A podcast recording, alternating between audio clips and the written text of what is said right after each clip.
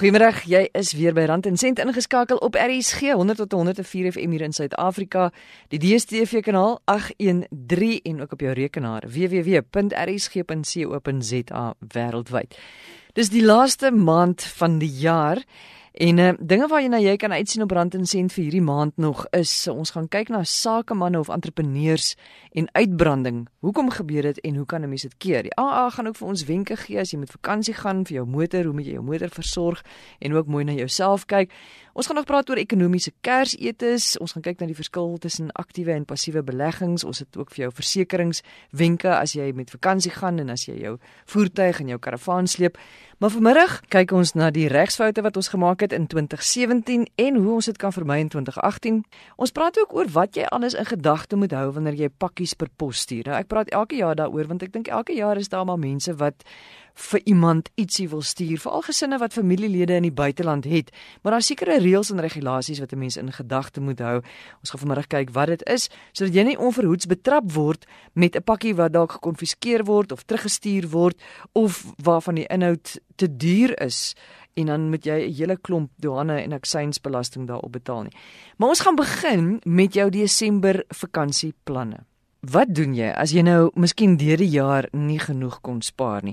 Of as jy gespaar het en jy wil met vakansie gaan, jy wil hom iets doen, maar jy het nie genoeg geld om regtig weg te gaan nie, of jy het geld om weg te gaan, maar jy wil tog 'n bietjie bespaar, jy wil 'n bietjie goedkoper vakansie hou. Matthys Potgieter is hier, hy is van DebtSafe.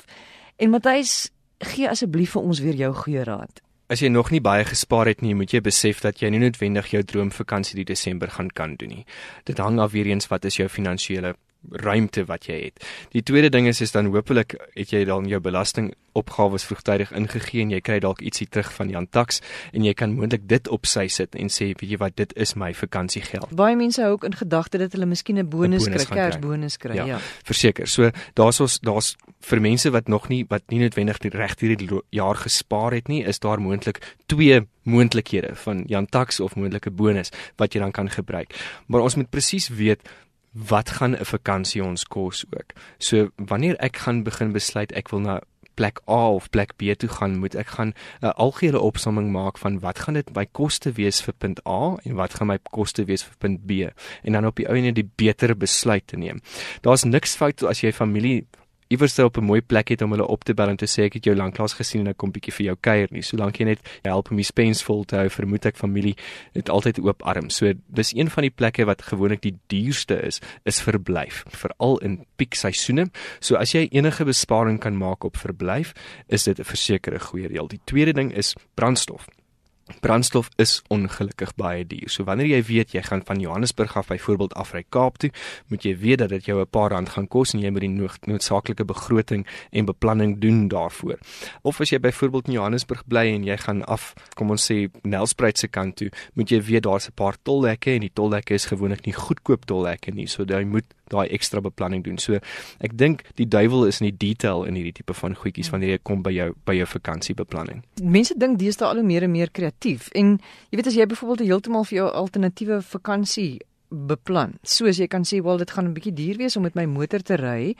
Kom ons familie gaan 'n bietjie met die trein as dit dalk 'n bietjie goedkoper is, nê? Dis iets heeltemal nie, dis iets wat baie mense nog nooit gedoen het nie. Hm. Dis 'n interessante uitstapie. Mense moet tog als een keer ten minste probeer. Gaan jy met die trein en jy gaan bly, sorg dat jy op een plek bly sodat jy nie 'n motor nodig het nie. Ek dink wat oulik is daarvan is is mens bou ervarings en op die ouene is hm. ervarings die ding wat wat die mees belangrikste is. Is hulle sê jy gaan nooit met jou geld graf toe nie, maar jy gaan graf toe met jou ervarings en dit is wat jy op die ouene wil onthou. Ek dink daai is 'n fantastiese idee. Ek was myself ook nog nie op 'n trein gewees nie, so miskien moet nou, ek dalk dit Desember doen. Daar's my plan nou uitgesorteer. Die ander ding wat mense in gedagte moet hou is wanneer jy vliegtuigkaartjies byvoorbeeld bespreek, soos wat jy nou sê, daar is dan noodwendig 'n uh, addisionele koste om 'n voertuig te huur aan die plek waar jy is, maar vliegtuigkaartjies kan ook baie duur wees as jy nie vroegtydig bespreek nie. So hoe vroeër jy besluit jy wil 'n spesifieke plek heen vlieg, hoe goedkoper gaan jou vliegtuigkaartjie wees. So alles kom weer neer maar net eintlik op basiese beplanning, tydbeplanning en finansiële beplanning. En dan kan 'n mens ook kyk of jy nie met mense kan uitruil verblyf nie. Iemand Hmm. kom bly in jou huis en en jy gaan bly in iemand anders se huis. Dit is iets wat verseker baie baie sterk is in Europa en oorsee. In Suid-Afrika dink ek is ons partykeer nog half bang om vreemde mense in ons Ja, huis toe ja. te laat, maar dit is verseker 'n opsie daai. Um ek weet van mense wat dit al wel in Suid-Afrika gedoen het en hulle was baie gelukkig geweest. Ek dink hulle het op die ou en die beste deal gekry want die plek waar hulle gebly het op die kus was baie mooier as die huis waar hulle self gebly het. So dit is ek dink die groot ding is is mense moet begin kreatief dink wanneer dit kom by jou finansies vandag, wanneer dit kom by besparingsmetodes, wanneer dit kom by vakansie. Vakansie beteken ook nie dat jy moet 6 of 7 ure wegry of vlieg nie. Vakansie kan in jou eie dorp wees. Doen net nuwe goeders. Lewe in jou dorp vir daai week as 'n toerist en kyk dinge uit 'n ander hoek uit. En ek dink Suid-Afrika ge- gedurende Desember, ons het 'n ongelooflike lekker klimaat, maak nie saak waar jy is nie. Ja. Ons lewe buitentoe. Dit is wat ons Suid-Afrikaners doen. Om in elke hoek en draaitjie is daar 'n geleentheid om iets in die buitelug te doen. So ek dink mense moet net mooi gaan kyk wat is in jou onmiddellike omgewing of in die buurdorp. Miskien is die buurdorp dalk net 30 km weg en daar lê 'n ongelooflike lekker verrassing wat jy nog glad nie eens van geweet het. Dit is nou moeilik vir mense wat kinders het, maar jy weet Johannesburg is 'n wonderlike plek om in te wees tydens die Desember vakansie, want die stad is heeltemal leeg. Dis stil. Ja. Daar's nie verkeersprobleme nie. Daar's baie mense wat ek dink daarvan sal hou as jy in hulle huis kom bly, want dit is ook veilig om Hmm. iemand in jou huis te hê. Dit klink vir my nou 'n fantastiese idee. As ek nou dalk moet ek die trein ry van Pretoria af Johannesburg toe vir my vakansie. Desember. Maar ek sal jou hier raakloop. Fantasties. Is daar nog iets wat ons nou in gedagte moet hou wat jy nou sommer so vinnig aan kan dink? Ek dink die ander ding is is ook wanneer dit kom by by uitgawes, want wanneer ons in vakansie vibe is, ekskuus die Engelse woord, dan kyk ons anderste en ons is partykeer baie losser op ons beursie. So jy loop verby die roomhuis plek en jy koop vinnige roomhuis en een roomhuis word naderhand die hele gesin se roomhuis van 5 of jy beplan me- mens wil jouself darm 'n bietjie Hmm. Bederf. bederf wanneer jy op vakansie is want dit is tog jou tyd. So beplan vir daai bederfies ook. Weet verseker dat dit gaan jou 'n paar rand ekstra kos en wanneer jy byvoorbeeld sê dit is X bedrag, beplan altyd vir 'n klein bietjie meer, want ons weet ook dat gewoonlik in in populêre plekke waar mense gaan vakansie hou, stoot mense die pryse so klein bietjie op en ons moet daai vette bietjie inbou. En wat is jou raad aan mense wat kinders het en wat ook graag darm wil hê die kinders moet ook 'n bietjie voel hulle kan hulle self bederf met sakgeld en daai soort van goed. Hoe hoe hanteer 'n mens dit? Moet jy 'n bietjie meer sakgeld gee of moet jy maar streng bly? finansiële opvoeding of of kundigheid van van kleins af is baie belangrik. Ek sou byvoorbeeld um eerder vir my kinders gesê dat jy kry nie ekstra sakgeld nie, maar dit is jou verantwoordelikheid om deur die loop van die jaar bietjie sakgeld te spaar vir die einde van die jaar. As jy nou 'n baie goedgunstige ma en pa en jy voel asof Kersfees om die draai is, dan natuurlik kan jy vir hulle altyd ietsie bygee, maar ek dink dit is baie belangrik om vir kinders van jongs af te verduidelik waar kom geld vandaan, hoe werk besparing en dat, dat jy wel moet op die einde bespaar vir daai beloning aan die einde van die jaar. Dan is dit ook baie belangrik sou mense dalk vir hulle Desember vakansie oor see gaan, dat hulle onthou dat selfoonkostes kan Ek weet van mense wat al teruggekom het dan sê hulle skielik, "O, oh, my rekening is gewoonlik sien maar R1000 en skielik het ek teruggekom en my rekening is 9 of 10 of R12000." Ja. En weet jy wat Susan, dit is nie net altyd oor see nie. Mense kan net na een van ons buurlande toe gaan en dan is data al reeds verskriklik duur. So mense moet baie versigtig wees met jou gebruik van veral selfone. Ook in gedagte hou dat wanneer jy internasionaal reis dat daar gewoonlik addisionele kostes is, byvoorbeeld versekerings wat jy gaan moet betaal. Ehm um, wanneer jy jou voertuig oorvat, moet jy seker maak dat al die papierwerke in orde is. So wanneer jy internasionaal reis, moet jy weet dat daar moontlik 'n paar ander goedjies is wat jy aan gaan moet dink wat jy nie noodwendig wanneer jy net hier om die draai in Suid-Afrika nie. Matthys Potgieter baie dankie. Matthys is van DebtSafe. Nou gaan ons 'n paar pakkies oor die pos stuur. David Liebenberg is in beheer van koerierdienste van Postnet. En David, ons het 2 jaar gelede vir die eerste keer gesels. Toe het jy vir my gesê daar was 'n toename van 20% van mense wat vir mekaar pakkies oor die pos gestuur het. Verlede jaar was dit 'n toename van 36%. Maar vir jaar het dit afgeneem. Wel is nog steeds 'n toename, maar dis 'n bietjie minder, 15%. Maar aanlyn of mense wat wat aanlyn pakkies stuur, seker mense wat aanlyn aankope doen, dit het toegeneem met 25%. Maar net gou-gou, wat moet ons weet wanneer ek nou byvoorbeeld pakkies vir iemand aanstuur iewers in Suid-Afrika ook in die buiteland? Wat is die versteekte kostes waarvan ons bewus moet wees voordat ons of wanneer ons so 'n pakkie aanstuur? Dit is veral gemik op die aksiesbelasting en BTW wat op produkte gehef word wat die land mag inkom. En dieselfde beginsel sal geld wanneer dit die land uitgaan. Baie van die items wat gestuur word in in hierdie tye wat as geskenke geklassifiseer word, kan net gestuur word indien die waarde daarvan nie meer as 180 Suid-Afrikaanse rand bevat nie. Enigiets meer as dit word dan deur die land van aankoms geklassifiseer as 'n invoerproduk en derhalwe word aksiesbelasting daarop gehef. So die versteekte koste lê hoofsaaklik daarin in die waarde van pakkies wat gestuur word. En natuurlik het jy dan ook sekere kommoditeite wat glad nie gestuur kan word nie. Maar dan kan ek nou al klaar dink dat daar baie mense is wat nie eerlik is oor die inhoud van die pakkies en die waarde daarvan nie. Dit is so ek neem nou maar 'n voorbeeld van iemand stuur 'n paar Levi jeans van Suid-Afrika af na 'n vriend in Engeland en uh, klassifiseer dit dan as 'n gebruikte item of persoonlike item. Die douane en baie van die pakkies, veral in Europa en die VSA gaan deur skandeerkanale waar ekstra gebruik word om die produkte kan identifiseer. En wanneer kommoditeite soos tekstiel en skoenware aankom en dit word geklassifiseer as 'n geskenk en dan word bevestig dat die produk wel onderverklaar is, dan sal daar boetes gehef word. Beteken die persoon wat dit gaan ontvang, gaan aansienlike duurder betaal vir wat die produk eintlik werd is. Jy het nou net verwys daarna maar die in- en uitvoerbelastings. Hoe hoe presies werk dit? Ja, dis 'n persentasie of ek dit so stel, 'n persentasie heffing word op 'n produk gehef gebaseer op die waarde daarvan. In geval van tekstiel en skoeisel en dan ook elektroniese ware is die persentasies redelik hoog. Jy dit wissel tussen 40 en selfs in gevalle 100% belasting op 'n sekere kommoditeite wat ingevoer of uitgevoer word, hoofsaaklik op invoer. Maar wil jy vir my sê as ek nou 'n mooi Suid-Afrikaanse hemp vir iemand koop en ek stuur dit Londen toe en die hemp het 'n sekere waarde of kos meer as wat het jy net gesê R180, dan beteken dit iemand moet daar invoerbelasting betaal. Dis reg. Want jy sien elke land beskerm maar hulle eie produkte. Ons hoofsaaklik sal vir ons kliënte sê dat as 'n soortgelyke produk in daardie land beskikbaar is, moet dit nie stuur nie, want dit is gewoonlik nou maar 'n geval van die estetiese waarde is baie keer baie meer belangrik. Ek vat nou maar in die geval van 'n rugbytry. Jy weet 'n Springbok rugbytry word gestuur vir iemand in Engeland. Jy weet dit is nie iets wat gereedelik in daardie land beskikbaar is nie. En derhalwe die estetiese waarde van wat jy stuur is veel meer werd dan as die produk self. Met ander woorde, jy kan 'n Springbok rugby try stuur en daarop sal jy dan nou nie 'n belasting hoef te betaal as hulle dit sien nie. As ja, as hulle sou besluit dat die waarde daarvan is nie meer werd as wat dit uh, in die land redelik beskikbaar is nie, dan word daar gewoonlik minder heffings gehef. Geld dit vir vir artikels wat ons aanlyn koop ook van iewers af?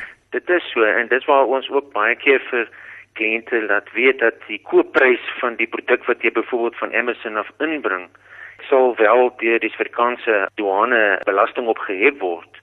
So wees net bewus daarvan. Dan is daar ook sekere reëls wat geld vir uh, produkte of sekere artikels wat 'n mens dan nou na verskillende lande toe stuur.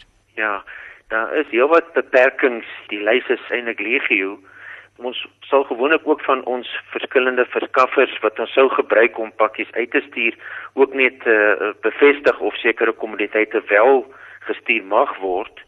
Wat baie keer opkom veral die tyd van die jaar is sê nou maar 'n produk soos biltong of wyn wat na lande gestuur word. Daar's byvoorbeeld vleisprodukte en suiwelprodukte is in sekere lande uh, nie toelaatbaar nie. En in sekere gevalle soos in state in Amerika wat hulle nou sogenaamde droë state verwys, mag jy glad nie alkoholiese drank stuur nie. So dit is belangrik dat ons kliënte ook daarop attent maak. En uh, derhalwe het ons hierdie tyd van die jaar ook in ons winkels beskikbaar 'n lys van van sogenaamde uh, produkte wat nie toelaatbaar is in sekere lande nie, alhoewel hier geklassifiseer as 'n geskenk wat dan vir die kliënt ook 'n sekere riglyn kan kan kan bied. Kan jy 'n paar voorbeelde noem? Ja, uh, in in baie lande, veral in in Europa, uh, as ek kan eers begin by die medikasie, is dat kroniese medikasie word gewoonlik deur die kliënt se familie in in Suid-Afrika gereël en wil dit dan oorstuur na so sê nou byvoorbeeld Nederland, maar in Nederland kan jy nie medikasie en in baie ander Europese lande ook nie medikasie direk aan die pasiënt stuur nie. 'n Reëling moet deur die pasiënt daar getref word om dit te laat afgehaal word by 'n plaaslike apteek of 'n dokter of 'n hospitaal. direkte medikasie persoon na persoon word nie toegelaat nie. In die geval van Rusland, alhoewel pakkies in daardie rigting redelik gering uit Suid-Afrika gestuur word, is daar 'n groot verbod om enige iets wat nie as 'n dokument geklassifiseer is nie na 'n private individu in Rusland te stuur. En dit gaan maar rondom bedrog en afkoop geskenke en so aan. So daar's 'n redelike streng maatreël in plek. Jy kan dit rig aan 'n aan 'n maatskappy, maar jy kan dit nie rig aan 'n persoon in die maatskappy nie. David, is daar nog enige iets wat ons as verbruikers moet weet wanneer ons hierdie Kersseisoen vir mekaar gaan pakkies stuur of pakkies gaan ontvang? In baie gevalle is die curio wat Suid-Afrika se markte bied van groot belang vir buitelandse toeriste as ook vir diegene wat oor see bly en uh, van hierdie produkte wil aankoop. Produkte wat aangekoop word by informele markte. Uh, dit beteken nou iets wat nou nie in 'n kettingwinkel gekoop word nie, is onderhewig aan fumigasie. Daar moet 'n sertifikaat uitgereik word deur 'n maatskappy wat fumigasie doen om te bepaal dat hierdie produk is wel deur so 'n danige proses gesit, want jy kan nie houtprodukte byvoorbeeld uit Suid-Afrika uitstuur sonder dat so 'n sertifikaat uitgereik word nie.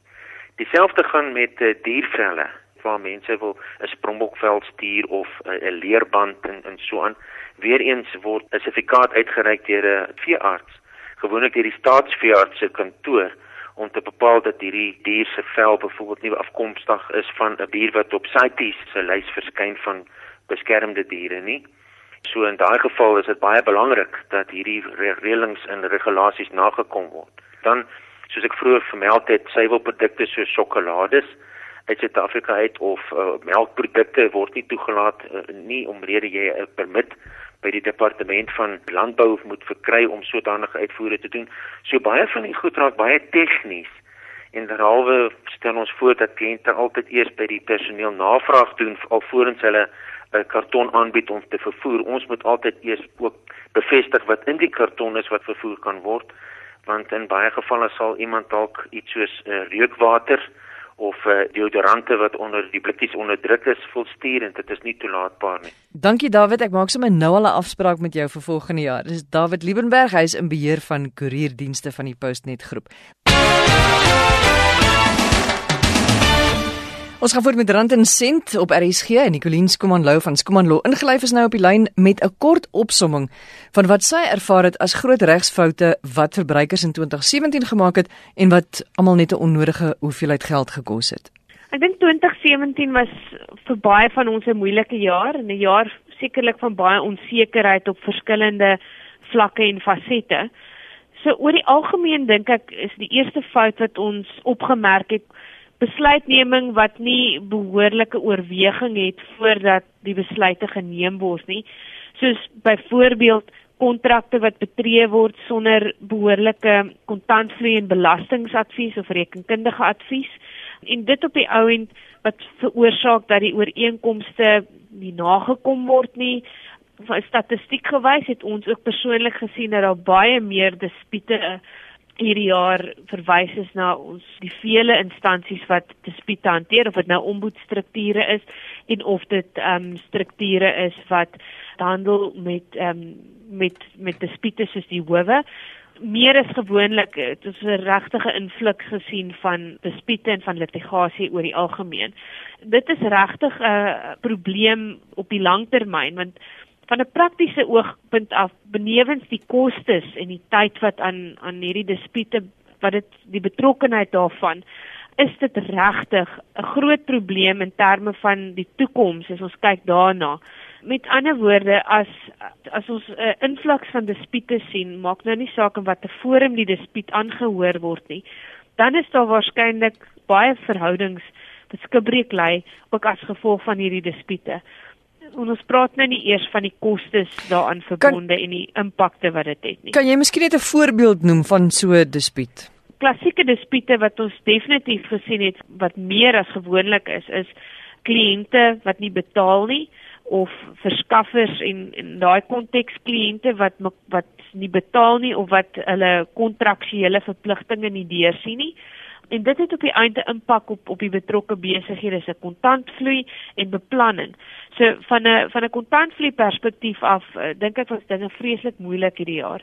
As mens ook kyk na langtermynkontrakte vir inkope en verkope van aandele in besighede, ons het ook definitief baie meer dispute in die opsig gesien hierdie jaar. En laaste maar nie die minste nie met ons het vele nuwe omboedstrukture wat hierdie jaar uh, aktief begin word het, insluitend die BE kommissaris. So ons sien nou allerlei sake ensovoorts wat verwys word en in daai opsig van 'n van 'n regsoogpunt af is dit 'n positiewe verwikkeling. Dis nie noodwendig 'n fout om enige dispuut te verwys na omboedstruktuur want dit gee vir ons 'n uh, uitklaring oor regsaspekte wat dalk onduidelik was in daardie opsig. So in daai sin is die invloeks van eise en van klagtes nie noodwendig 'n slegte ding nie. Maar die tyd wat dit wat dit vat en die kostes wat dit kan teweebring, is nie 'n positiewe impak op die besigheid betrokke nie. Nog iets wat vir jou miskien uitgestaan het wat regtig waar nie nodig was nie. Behalwe nou natuurlik vir die dispute, ehm um, en die kontantvloei probleme ensovoorts. Ek dink oor die algemeen sien ons mense is, is bietjie impulsief met betrekking tot onderhandelinge veral om seker te maak dat hulle sê nou soos byvoorbeeld as mens mens nou kyk na die swart ekonomiese bemagtiging en die die regulasies in daardie verband sien ons baie transaksies wat nie goed deurdink is voordat hulle in betree word nie. So baie van hierdie transaksies stop voordat hulle selfs eintlik begin het of daar's grootskaalse teleurstelling. So op die einde van die dag van 'n transformasie oogpunt is dit nie 'n dis dit nie 'n positiewe tendens nie. So oor die algemeen dink ek is ons almal bietjie gaan ons almal in 2018 'n bietjie meer versigtig moet wees met betrekking tot hoe ons ons besighede wil uitbrei, hoe ons wil seker maak dat ons um, met met al die wette wat daar bestaan, um, dat ons doen wat ons behoort te doen. En dan laaste maar nie die minste nie om om baie fyn te beplan met betrekking tot ons kontantvloei. Moenie 'n ooreenkoms betree wat waarvoor daar nie kontantvloei beskikbaar is om om voort te gaan mee nie. Op die einde van die dag is is dit regtig 'n slegte situasie vir beide partye. Baie dankie Nicoline Skuman Lou van Skuman Law ingelyf. Dis ons program vir vandag. Onthou die e-posadres susan@rsg.co.za. Dis S U Z A A N by rsg.co.za as jy e-pos wil stuur en as jy weer na enige van die gesprekke wil gaan luister in die program, gaan na www.rsg.co.za, klik op potgooi, dan uh, gaan soek jy daar na rand en sent. Mooi week vir jou en ons praat volgende Sondag verder. Totsiens.